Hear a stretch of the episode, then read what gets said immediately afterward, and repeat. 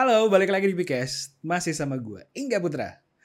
Senang banget gue bisa nemenin lo uh, hari ini di hari yang spesial dengan topik tetap produktif dan kreatif di masa PPKM.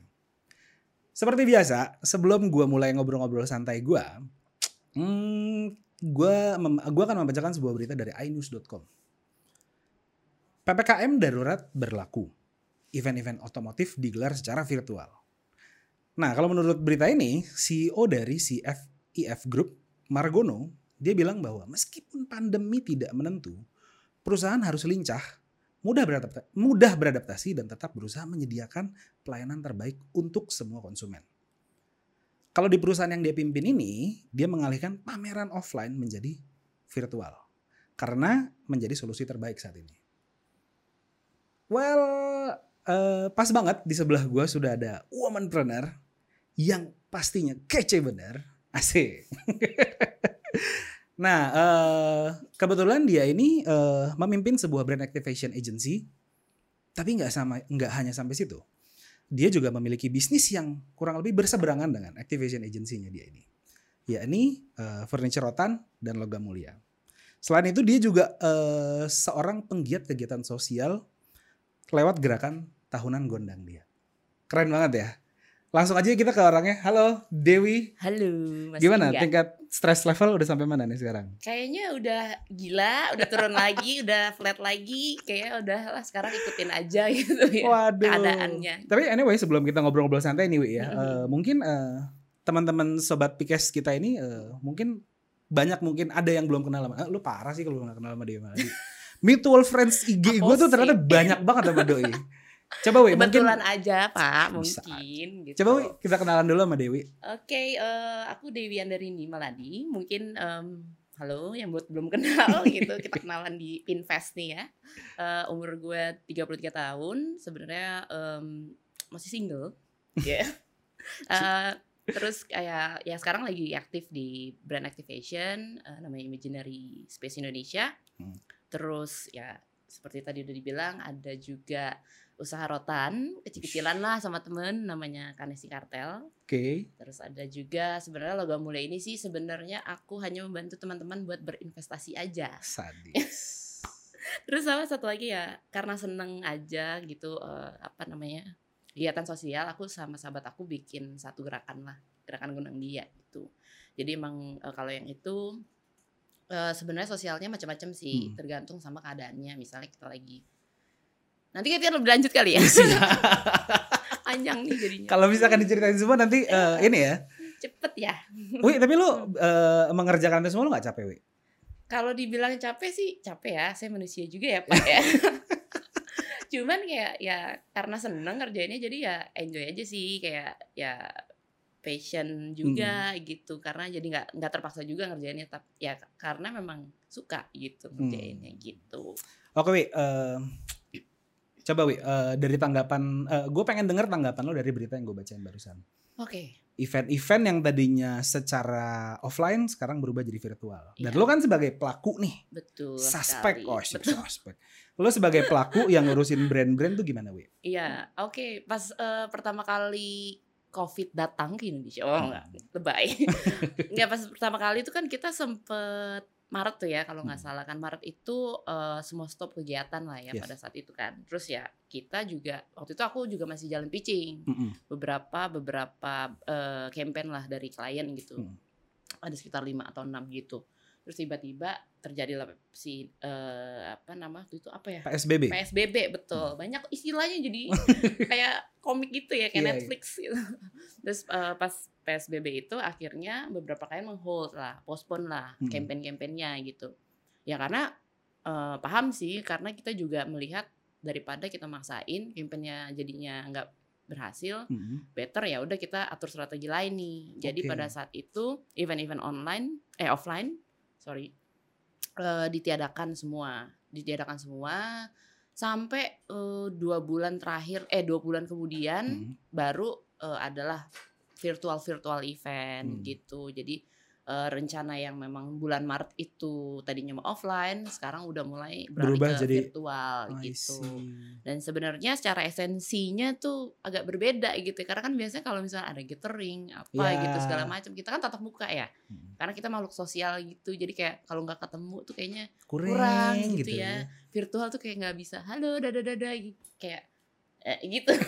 Rasanya kayak beda aja gitu esensinya.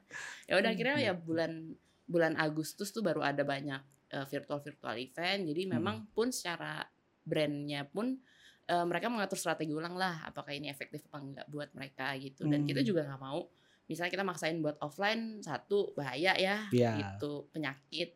Maksudnya kita nggak mau malah mem- memperkeruh suasana Betul. terus udah gitu secara eh, brandnya sendiri juga ya pastinya nanti secara KPI sama salesnya juga harus dipikirin lagi gimana Hmm. strateginya kan karena kan orang nggak keluar keluar lagi Iya. terus eh, gimana cara eh, ngebusnya lagi gitu itu itu harus kita pikirin strateginya juga sih kayak gitu sih sebenarnya jadi pas bulan eh, Agustus itu ya lumayan lah mungkin orang udah bosen kali ya nih nggak ada acara musik gak ada acara apa lah segala macam akhirnya kita bikin strategi ya brand-brand itu bikin strategi gimana caranya masih tetap touch sama konsumen lah intinya gitu Hmm. pada saat itu sampai sekarang sebenarnya ya udah tetap masih virtual sih jadi hybrid sih sebenarnya ada offline-nya tapi ada virtualnya juga gitu kalau Oh, di segi gitu. event gitu Kalau si Imaginary imaginary space Imaginary Space Studio.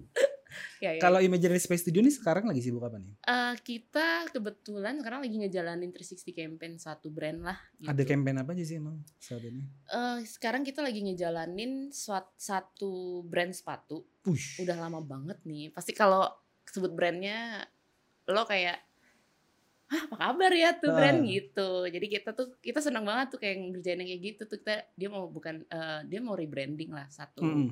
Suatu image gitu. Apa image si sepatu itu mau di rebranding terus kita bikin eh, 360 campaign-nya dari BTL sama ETL-nya jadi kan eh, kalau ETL-nya itu tuh ya eh, lebih dari ke sosial media Hmm. digitalnya gitu-gitu. Nah tapi kalau misalnya si BTL itu kan lebih ke eventnya gitu. Hmm. rencananya kalau misalnya dikirainnya udah bener, udah udah baik nih Mm-mm.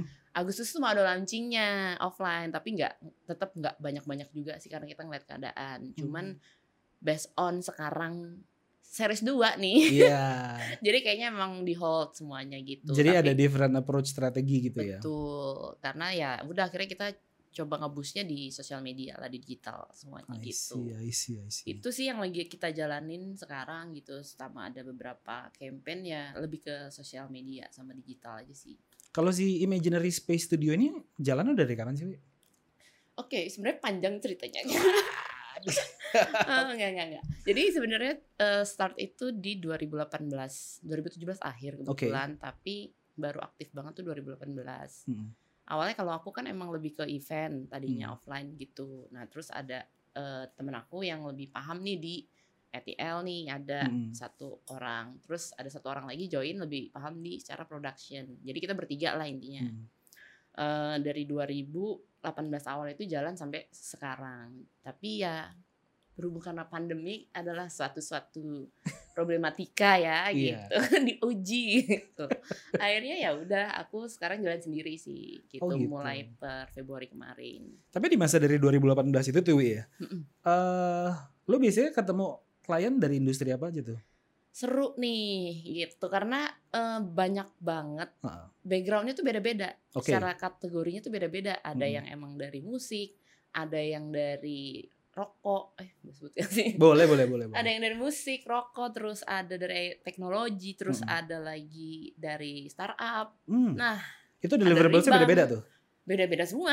Oh, Kebetulan. gitu. Dan treatmentnya juga beda-beda, Pak. Oke, Apalagi oke. startup gitu ya. Hmm, Startup hmm. tuh dinamik banget kan. Kalau misalnya kayak bank, kayak eh, teknologi tuh mereka biasanya udah udah punya bisnisnya lah, bisnis Hmm. plan-nya gitu. Nah, kalau ini tuh kayak dia dinamis ngikutin kompetitornya gitu. Oh, atau ngikutin eh, ya perkembangan lagi ngapain nih lagi hype-nya apa nih itu bisa sedinamis itu berubahnya Mhm. kalau yang emang udah kon, eh, konvensional nggak konvensional sih tapi kayak yang emang udah pakem gitu Hmm. biasanya bang gitu yang udah udah plannya udah dari dua tahun yang lalu gitu Hmm. ya udah kita eh, Udah ada guideline-nya gampang gitu ya? gampang gitu ini kalau yang belum tuh yang seru sebenarnya gitu Ya karena kalau misalkan kadang ada beberapa boleh nggak ya gue kalau gue ngomong kayak gini misalkan kan ada nih ya beberapa uh, klien oke okay, Hmm. misalkan dia uh, punya budget gitu ya Hmm. untuk uh, marketingnya dia ya. Hmm. well it's easy gitu kan Iya, lo iya. kayak ibaratnya kayak ada dulu uh, salah satu perusahaan mungkin ya dia uh, industrinya itu apa ya apartemen kali ya Hmm. Ya mungkin dia budgetnya banyak gitu ya. Iya. Itu as simple as lo pasang placement berita di mana Hmm. aja juga orang kalau goalsnya brand awareness gitu Iya. ya. Itu orang juga gampang. Nah kalau yang tricky kan kalau yang budgetnya sedikit berarti kan lo harus memainkan ide kreatif lo. betul betul Hmm. Eh, ya betul balik lagi sih tapi ya sebenarnya kita juga ngelihat pasar juga sih jadi Hmm. kita harus ya survei juga eh, research juga gitu kayak harus lihat juga kebutuhannya apa dulu nih Hmm. si kliennya nih seperti apa gitu baru di situ kita biasanya break breakdown lagi tuh maksudnya kita Hmm. lihat em, apa KPI-nya mereka terus Hmm. apa eh, secara secara merekanya sendiri tuh harus kita lihat juga sih Iya. ke mana nih oke-nya maksudnya kayak image-nya tuh lebih bagusnya ke mana nih si brand apartemen ini misalnya gitu Mm-mm. dan target marketnya siapa gitu kita harus lihat juga sih kita Mm-mm. harus tahu eh, secara marketnya mereka gitu baru kita bisa breakdown plan-nya lah ini I see, gitu I see.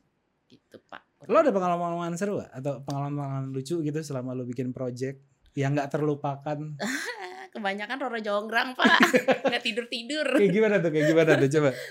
Iya adalah em, jadi pernah sempat pegang satu brand eh, teknologi gitu Mm-mm. sebut saja Si A lah. A lah A, gitu. nah dia tuh hobi banget kalau memang nggak bukan hobi sih tapi emang cara globalnya juga emang berubah Mm. campaign jadinya itu bisa tuh launchingnya mau hamin tujuh tiba-tiba berubah nih semuanya. Wow gitu. Jadi kita ya otomatis kayak oke kita cepet ganti ide apa lah segala macem prepare lagi. Dan produksinya produksinya itu bisa hamin 12 jam misalnya Seriusan? gitu. Ah, iya benar. Sampai hari udah mau mulai launching kita masih yang oke ini masih ah, gitu. Jadi dan harap kamu bisa tidur guys gitu. Jadi ya gitu. Eh, lumayan itu terus ya sebenarnya banyak sih klien-klien yang seru gitu jadi pernah juga salah satu klien itu dia lebih ke logistik Mm-mm.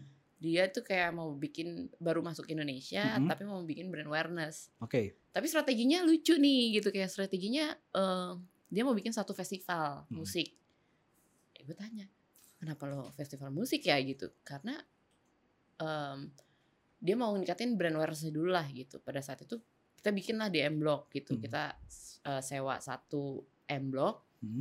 dan surprisingly emang dapat banget eh, awarenessnya. Karena orang yang datang situ kan macam-macam ya. Mm-mm. Eh, maksudnya secara target marketnya tuh random gitu. Ada yang cewek cowok anak muda bapak-bapak ibu bapak-bapak ibu-ibu. Terus ada yang eh yang suka Instagramebelan gitu. Itu Cocok tuh ya kalau di blog tuh. cocok. Dan itu ya udah akhirnya kayak rame banget ya udah KPI-nya misalnya cuman oh, kemarin KPI yang disuruh tuh 2000 yang datang 20.000 ribu Wish. jadi oh ya udah akhirnya s- waktu itu kita juga bikin kita ngundang ada bazarnya juga jadi si logistiknya itu pakainya itu eh, strateginya kita eh, kerjasama sama tenan-tenan itu untuk pengirimannya melalui si mm gitu Oh. jadi ya masuklah target semuanya dan Siap. alhamdulillah rame gitu ya kurang lebih serunya gitu sih Tapi kalau ngomongin eh, klien ya, Mhm, kan pasti treatmentnya beda-beda tuh. betul Iyalah ya gitu kan. betul Lo ada tips nggak lo kalau lo menghadapi klien lo gitu ya? Kalau misalkan yang tiba-tiba eh banyak mau gitu, demandnya banyak. Cuma tapi briefnya Oke. kadang-kadang suka nggak jelas. Gitu. Hmm, banyak lo, lo, lo, tapi Lo- seru maksudnya kayak gitu tuh kita nggak bikin kita nggak eh, kita jadi nggak mikirnya pusing sih tapi kayak misalnya kayak eh, iya tapi nih gue maunya gini budgetnya Hmm. cuma segini pak logika aja dong nggak bisa dong nih gitu Pak. jadi tapi lo ngomong kayak gitu di depan lo? Iya, maksudnya kalau emang kenyataannya nggak bisa kan kita akan jelasin kan kenapa Ah. nggak bisa nih breakdownnya ini ini ini ini segala macam. Jadi gini pak, ini aja segini gitu. Ya emang apa adanya aja. Akhirnya kayak ya emang keadaannya gini pak nggak bisa gitu. Bapak aja deh kurangin apanya gitu. Lo bisa tuh ngomong kayak gitu tuh sama klien. Bisa ya.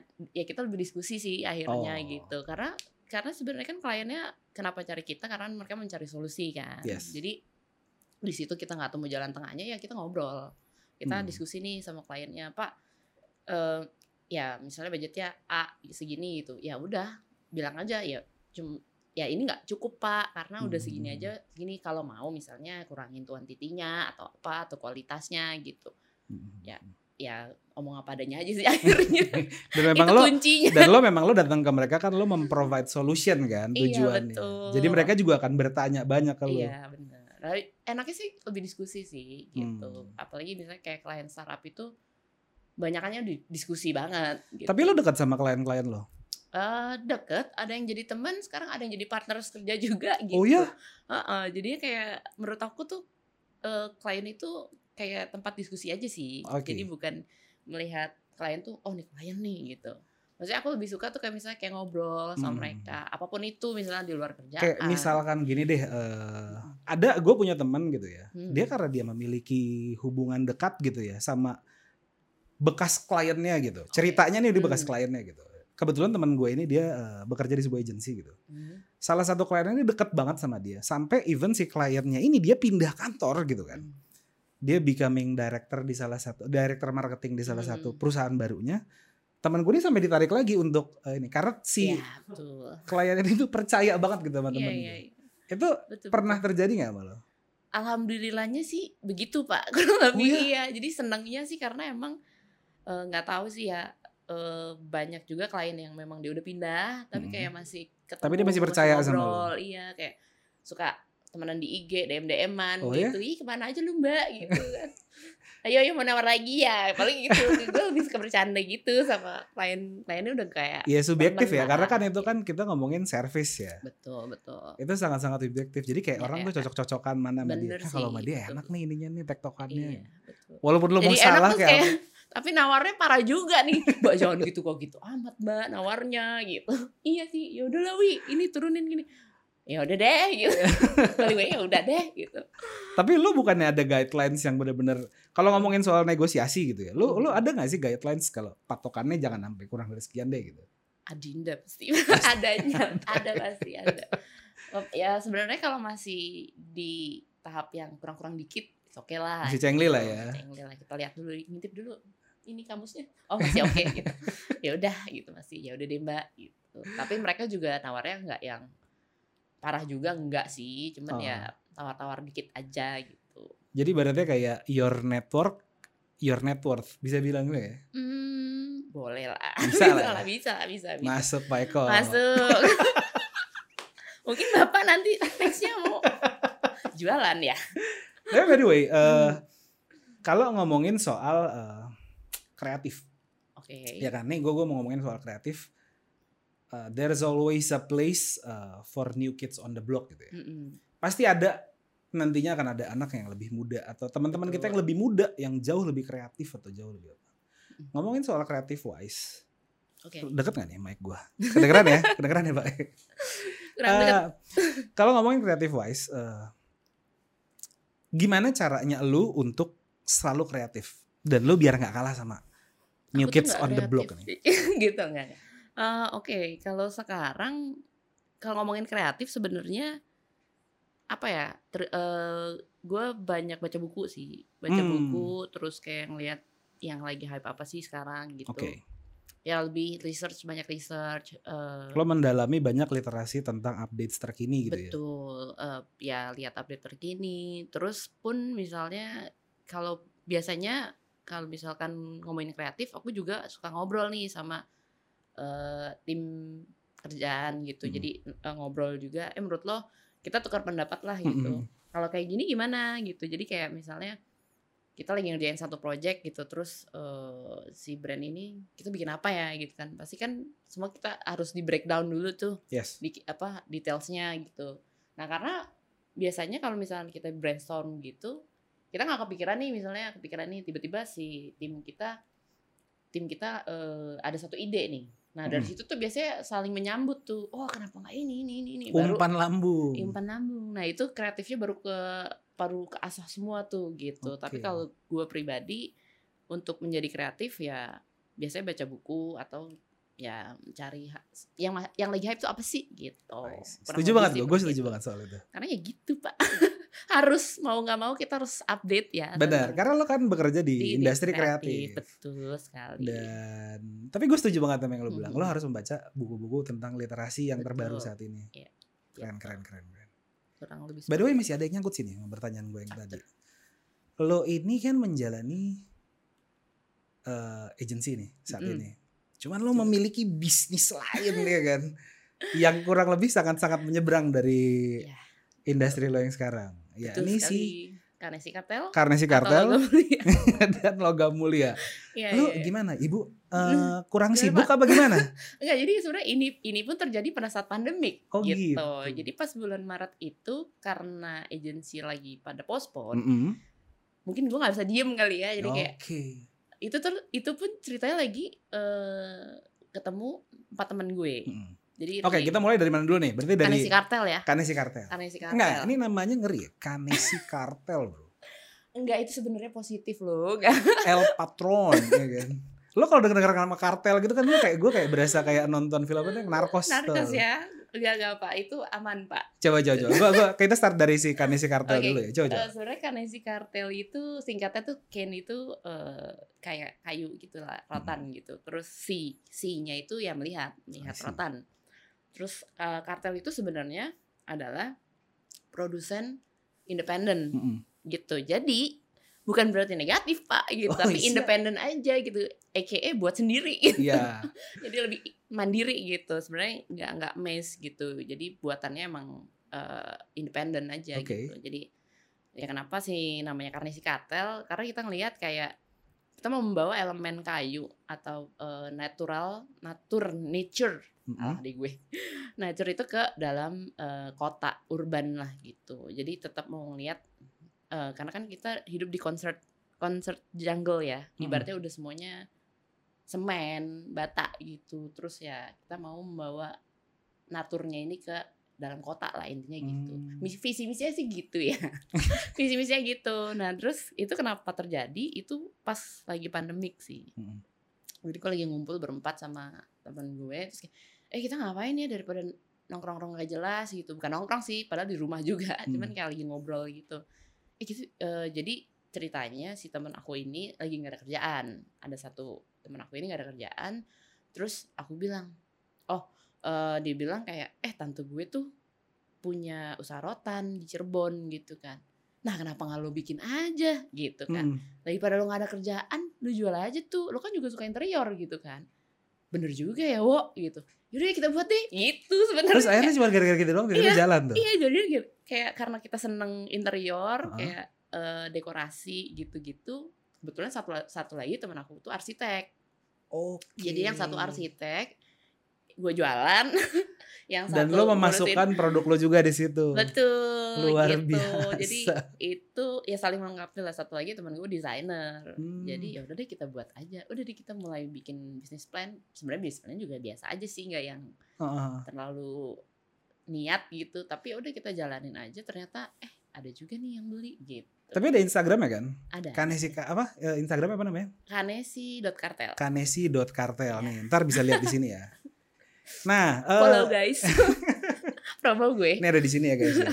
Nah, itu uh, si Kanesi Kartel ini ada offline ya?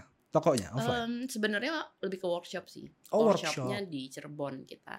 Kita kerjasama sama UKM di sana. Karena kan emang niat kita juga mau memajukan UKM UKM di Cirebon hmm. gitu yang hmm. membantu mereka lah buat secara perekonomian gitu. Uh, ya itu jadi masih pakai workshop sih. Kalau bikin toko di sini kayaknya kita belum mampu nih. ya pelan-pelan lah, pelan-pelan. Siap, siap. Gitu. Tapi uh, kalau orang mau pesen gitu bisa lewat bisa, Instagram. Bisa, bisa lewat uh, lewat Instagram bisa atau hubungin gue bisa karena biasanya kalau misalkan ada nih yang mau buat nih di misal apartemen gitu. Hmm. Kita biasanya ada konsultannya juga. Hmm. Jadi emang uh, baiknya tuh gimana sih secara ukuran kita juga harus yeah. presisi lah intinya gitu. Jadi si teman gue yang arsitek itulah yang ngukur. Oke, oke, gitu. oke. Menariknya tadi kan di offline gue sempat ngobrol nih sama si Mbak Dewi. Ngomongin soal uh, jadi ceritanya Dewi ini uh, oh iya kalau di Cirebon tuh enak loh. Maksudnya karena kan mm -hmm. uh, apa namanya? workshopnya itu ada di Cirebon sana. ceritanya. Yes. Terus sempat iya di Cirebon tuh enak loh. Tuh gue kemarin dapat hotel uh, daerah mana tuh enak banget. Nah, mm. menarik nih kalau gue ngomongin hotel gitu ya. Mm. Kan mulai zaman sekarang tuh banyak tuh ya butik-butik hotel. Lo gak mm. mau tuh kerja sama mereka? Eh sebenarnya kita ada satu ini sih satu project sih di Serang yang Oke. lagi kita kerjasama. Mm-mm. Eh bersebut merek nggak sih? Enggak ya? Jangan boleh, ya? boleh, Oh, boleh. boleh, boleh, boleh. Tuh udah manggut-manggut Ada. bapak. Siapa tahu mau beli investasi loh. Jualan. Eh, ada namanya Soul City. Heeh. Kita lagi mau kerja, mau kerjasama sih. Mm-mm. Sekarang lagi tahap pembangunan unit gitu. Mm-mm. Jadi nanti buat interiornya dari Pakai- Kanesi Kartel. Keren. gitu dan itu so far masih 10 unit yang baru mau dibuat Oke. Eh, nanti ke depannya ada 20 lagi sih 30 gitu. Hmm. Ya, kenapa Serang? Karena Serang tuh kan juga banyak Serang tuh pabrik. Anyer bukan sih? Daerah Iya, Anyer. Oh iya iya. iya. Anyer situ Cilegon Iya, iya, gitu iya, kan iya. banyak-banyak pabrik. Platnya tuh. A tuh ya kalau kayak gitu ya. Plat A. Anak gue lagi sering banget nanyain, ayah kalau ini platnya apa nih? Oh, lucu banget. terus terus. Iya, A itu Serang. Ikan bandengnya enak juga. Oh Bandeng siap. Jadi lapar. Salah fokus nih Salah fokus sih kita. Terus terus. Eh ya itu jadi nanti di sana proyeknya start itu sebenarnya dari 28 Juni kemarin. Mm-mm. Jadi karena si kartel bekerja sama buat interiornya. Eh tengok aja Instagramnya ada di situ kalau mau beli. Eh, di mana di sini nih ya? Di sini. ada kok eh, 3D rumahnya udah ada juga sih. oh gitu. Interiornya juga udah ada gitu. Jadi lo memang udah memanfaatkan kerjasama kerjasama kolaborasi ini ya? Eh perlahan sih ya. Pasti. Tapi lagi Hmm. pandemi gini memang masih belum ya dari merekanya pun juga masih hold kan beberapa Hmm. project gitu. Tapi good move sih karena beberapa orang kan mereka senang gitu ya datang ke misal contoh deh kayak gue tadi Mhm. bahas butik hotel gitu. Hmm. Gue pernah Iya. ke satu butik hotel dan itu isinya kayu semua gitu. Lucu ya. Itu di daerah Solo waktu itu. Oh, Dan gue kayak kepikiran pas gue ngeliat si Kanesi Kartel nih, eh dia udah kerja sama belum ya kalau sama Hmm. butik-butik hotel gini gitu. Kayak, let's say Iya, lu iya. provide si eh kursi apa furniture rotan lu ini terus lu kasih tag eh, Iya bener. at Instagram lu gitu kan bener. kayak cuc me, cucok meong. betul sih. Tapi eh, belum sempet. Bapak mau mungkin kita eh, ini sharing profit Oh, bisa.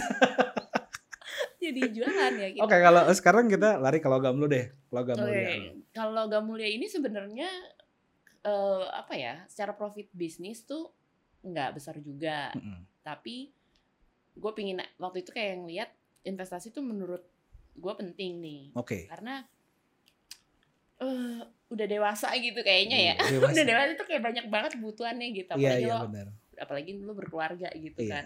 Terus kayak gue ngeliat temen-temen gue kok ya eh, sebenarnya investasi emas itu kan ya emang long term lah kayak Mm-mm. jadul banget gitu ibu-ibu kita yang sebenarnya investasi emas gitu. Tapi kenapa seumuran kita tuh kayak masih banyak belum belum Melek situ soal itu gitu kan. Eh, kadang gue juga ngasih tahu sih ke temen gue, eh lu nggak mau beli emas? Maksudnya bukan karena gue akan untung tapi Oke. kayak ini kan buat lu juga gitu maksudnya eh apa kalau simpan emas ya so far selama ini naik gitu kan Iya. walaupun udah lima tahun 10 tahun naik gitu aman lah ada barangnya juga gitu Nah, Hmm. Kalau bahasa financialnya namanya safe haven. oh, oke baik safe haven ya menuju eh, freedom ini fi- financial Finan- freedom financial freedom.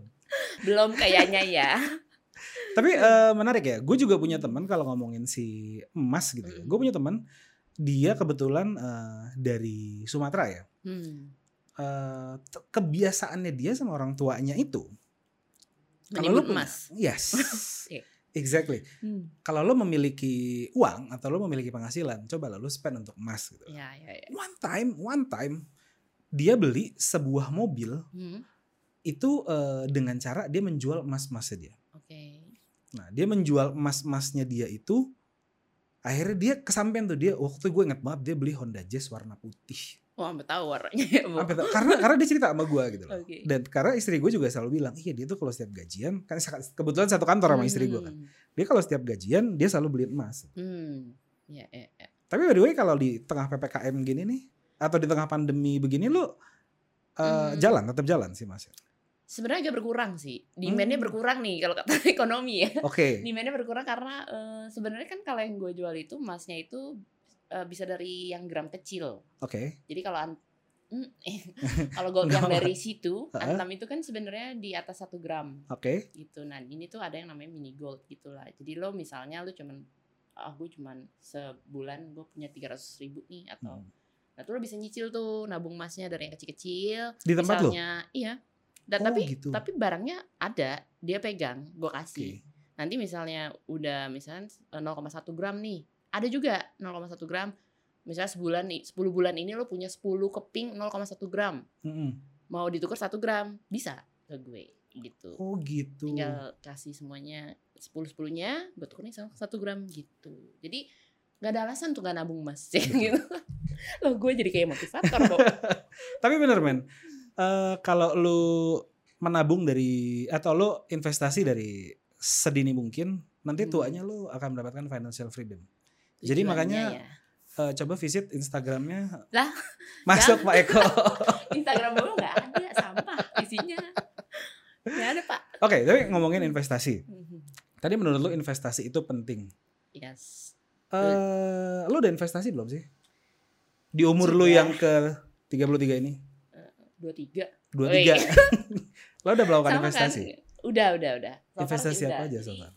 karena sebenarnya eh, investasi itu penting kenapa karena ya kemarin gue ngerasa itu penting juga kayak kemarin pas pandemik itu kan banyak Hmm. banget eh, pekerjaan Tiba-tiba yang ke hold. kohol terus kalau lu nggak punya tabungan lu dari mana Yes. gitu kan dan Lu itu berasa banget kan ya Yes. akhirnya gitu jadi kayak wah maksudnya kalau investasinya sebenarnya udah lama cuman baru berasa itu ketolongnya karena udah nabung jadi masih oh, Jadi lo masih tabungan berasa nih, culture gitu. shock banget ya pada saat itu ya? Iya, Si tapi- culture shock bahasa gue berat. Ya Allah, terus terus terus terus.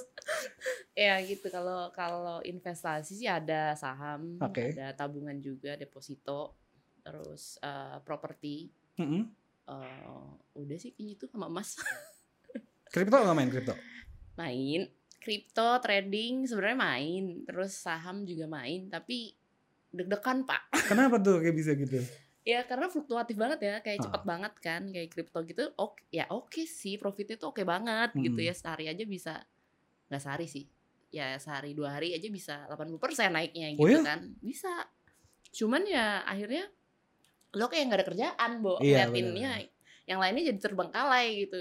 Sayang gitu. Jadi gue lebih milih kayak misalnya saham gitu ya udah saham bisa ngecek maksudnya kan selama perusahaannya masih ada nih Mm-mm. masih ada misalnya bank BCA gitu Hmm. kita punya saham BCA masih aman lah Si aman. gitu masih aman di saham gitu kan kalau misalnya kayak apa trading forex gitu terus misalnya kripto kan semuanya perusahaannya ini ya nggak tahu ya itu Iya, perusahaannya Iya, yang ma- apa gitu nggak sih iya. iya benar benar. perusahaannya yang nggak nggak nggak nggak ada fisiknya gitu Hmm. jadi masih agak tak bukan takut sih ya cuan tapi kayak eh, waktunya kan kalau buat gue masih mendingan gue sama aja deh gitu Keren keren. tapi banyak maksudnya masih ada yang suka ada yang enggak gitu jadi ya depends lagi balik lagi sama orangnya sih sebenarnya gitu Menarik ya. Eh narasumber gue kali ini tuh cukup unik ya hari ini ya. random ya Eh nggak random sih, cuman gue gue lebih banyak salutnya sih karena eh, di satu sisi gue ngelihat dia seorang yang cheerful, playful kelihatannya Hmm. gitu ya. Mhm. Di satu sisi dia melek juga soal investasi gitu kan. Mhm. Nah kalau ngomongin ini deh, sekarang kita ngomongin bisnis lu lagi deh. oke Lo tantangan lu terbesar apa sih kalau ngejalanin bisnis ini? berat banget Terlebih sebenarnya Di masa ppkm deh, apa Iya, iya, ada nggak sih dampak buat tantangannya bisnisnya? sebenarnya kalau dalam bisnis ya ya Hmm. karena kita intinya kerja tim lah ya Mm-mm. ya itu kadang sama humannya ya human capitalnya yang Oke, kadang-kadang oh gue harus mengerti orang ini seperti ini gitu Oke. karena kalau misalnya lo marahin atau lo apain tiba-tiba Baper. cabut baper kayak gitulah ya dikritik dikit marah gitu karena gue sendiri pun dulu pas gue bekerja sama orang gue oke gue pernah dikritik gue pernah disepelekan misalnya Hmm. gitu gue pernah nggak dipercaya. Jadi gue kayak gue udah ngerasain itu seperti semua. itu semua. gitu. Terima kasih kepada bapak ibu ya. Tapi akhirnya itu nggak bikin gue jadi drop. Maksudnya gue akan belajar lebih baik lah ke depannya gitu. Maksudnya kayak gue mencoba lebih better Eh, jadi ya dari situ gue mulai memahami manusia. Oke, mulai memahami eh, karakteristik masing-masing orang gitu. Jadi yang ya jadi ibaratnya eh, apa itu kayak mereka curhatnya harus ke gue ya, jadi ya gue nggak bisa eh ini ke satu orang. Kalau emang memang salah ya gue bilang lo salah gitu. Kalau lo bilang kalau gue bilang lo bener ya lo bener. Lo bagus ya bagus gitu.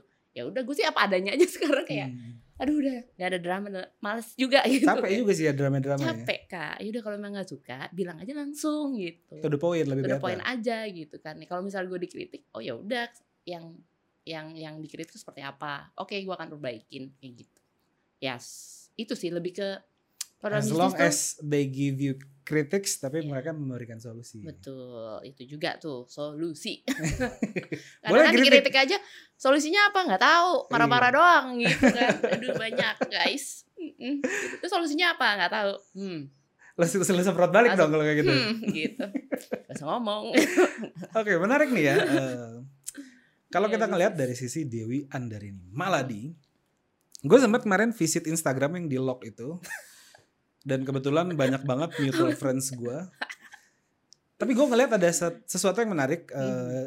Dewi Andarini Maladi ini memiliki kegiatan Yes. tahunan Gondang dia. dongdang dia yang dilakukan bersama kru musik ya. Eh, kemarin kampanye lagi itu sih pas pandemi. Oh gitu. Itu Gitu. gimana sih ceritain dong? Eh, jadi kalau si gen- generasi generasi gerakan tahunan gondang dia itu Mhm. awalnya itu emang eh, aku sama sahabat aku Mm-mm. kita suka emang tiap tahun aja bikin acara yatim Annual. piatu, ya annual gitu. Terus tiba-tiba teman-teman aku tuh banyak yang mau join, eh gue ikut dong nyumbang, nyumbang, Hmm. nyumbang, nyumbang. Itu ya itu dari kita udah start dari 2012 sebenarnya, 2013 lah.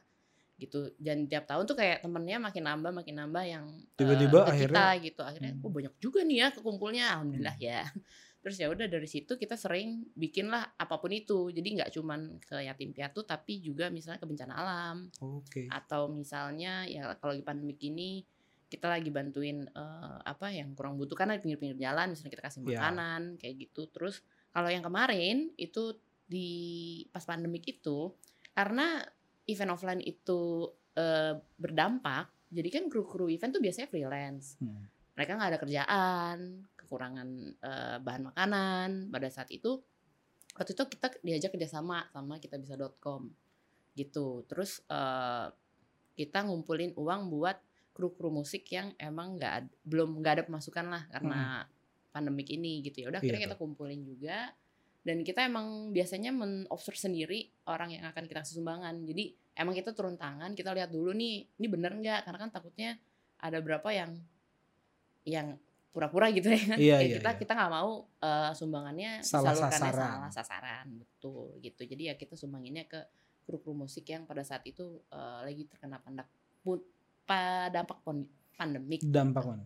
Itu lu ngumpulin donatur-donatur atau lu uh, ada kerja sama crowdfunding tuh kayak gitu? Eh, waktu itu sama kitabisa.com sih waktu itu tapi Oh. kita juga secara personal juga sebarin ke kerabat orang Hmm. tua gitu jadi ya lumayan membantu juga sih pada saat itu banyak yang ikutan tuh banyak ya. yang ikutan Iya gitu. sih ya, karena pada saat awal-awal itu tuh memang gua ada sih beberapa teman gue yang musisi gitu ya. Iya.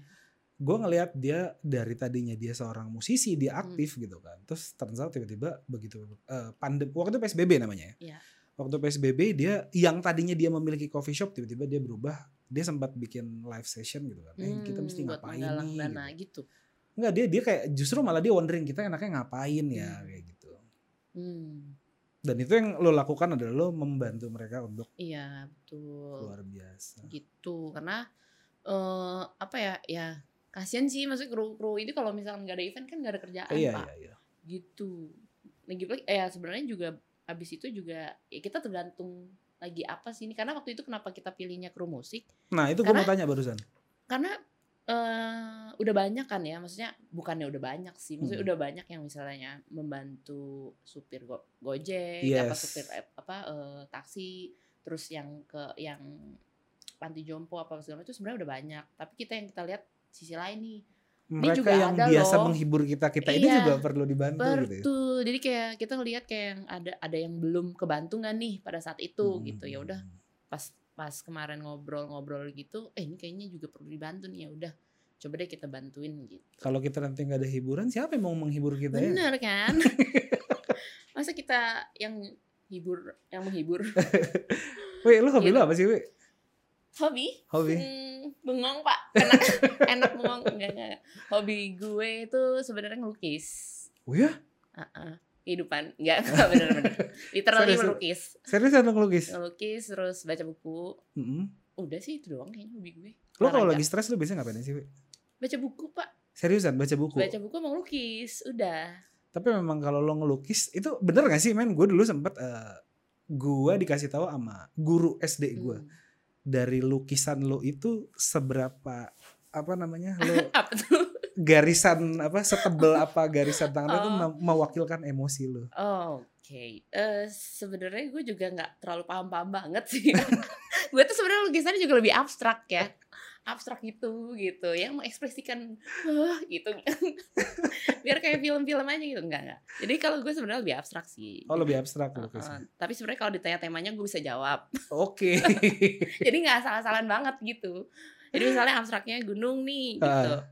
Kenapa gunung gitu gue waktu itu lagi spiritual banget ya Sadis, kedalaman nih. Asli. Ini jadi podcast ini spiritual, Bo. terus ya, terus lebih, maksudnya kayak kenapa gunung kayak God's power kayak gitu okay. lah jadi kayak semua ini kuasa ilahi gitu loh berat berat ya gitu lah kurang lebih yang gue gambar sih lebih ke abstraksi hmm.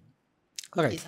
first thing to do kayak yang lo lakuin kalau semua ini sudah berakhir ada bucket list nggak lo mungkin yang belum kesampaian apa ya kayaknya jalan-jalan keluar aja udah udah alhamdulillah ya pak ya sekarang ya maksudnya kayak uh, ketemu teman-teman lagi aja bisa hmm. kumpul hmm. aja itu udah kayak satu hal yang priceless lah sekarang ini kan gitu semuanya baik-baik aja kayaknya udah nol kasus covid aja gue udah seneng banget iya, gitu bisa uh, melakukan event-event lagi event-event lagi kangen banget festival iya, iya. musik iya. gitu kayak mau ke konser gitu kayak sekarang kayak ngeliatin aja nih wah Amerika udah ada konser gitu ya, terakhir event yang lo datengin apa uh, musik ya kalau hmm. musik waktu itu konsernya Boniver hmm. itu abis itu besokannya gue demam berdarah nggak tahu tuh kenapa gue terakhir konser yang gue datangin itu namanya Joyland itu persis banget kayak sebelum oh pandemi. iya oh itu barengan sama event saya tuh oh iya Jadi gue tahu tuh ini crowdnya ke mana nih ya datangnya nih ke event gue apa ke eventnya dia gitu jadi gue tahu tuh si Joyland itu ya, itu juga bagus-bagus sih terakhir weh ini gue tanya nama lo hmm.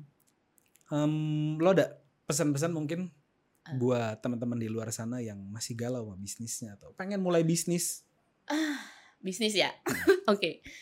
Uh, bisnis itu seru sih sebenarnya kalau ya, tapi ya mental lo sih sebenarnya yang akan hmm. diuji di situ. Ketika lo lagi banyak duit, pasti kan ya udahlah lo happy gitu. Tapi ketika lagi nggak ada uang atau lagi uh, bisnis lagi kacau, lagi lagi nggak ada pemasukan, di situ kan mental lo diuji ya hmm. gitu ya kalau sebenarnya kalau bisnis itu ya persistence aja sih persisten konsisten terus yang penting lo do the best aja untuk uh, apa yang lo lakuin lah gitu tidak mengecewakan. Sebenarnya itu sama investor pak. Benar benar benar nggak sih sebenarnya harus pakai ya maksudnya investor juga salah satu mendukung lah. Investor yang pas gitu yang yang tahu dengan bisnis kita tuh lebih lebih lebih enak gitu menjalankannya daripada si investornya abu-abu nih sebenarnya hmm. gitu. Itu sih pengalaman saya ya Pak ya. Siap. Kurang lebih seperti itu. Terima kasih banget loh uh, Mbak Dewi Andari eh Andari Maladi udah mau mampir-mampir ke podcast kita dan YouTube kita. Sama-sama. Keren banget sih Mbak Dewi ini uh, yang super sibuk menjalani tiga bisnis sekaligus di tengah PPKM. Oke, buat teman-teman uh, yang pengen dengerin ngobrol-ngobrol santai kita yang pastinya dapat menginspirasi dan memberikan wawasan, pantengin terus di YouTube kita dan di Spotify, Picast. Jangan lupa follow kita di Instagram dan jangan lupa di komen, like, dan subscribe. Saya Inga Putra. Saya Dewan ini. Kami mau undur diri sampai jumpa di Picast selanjutnya. Bye-bye. Bye-bye.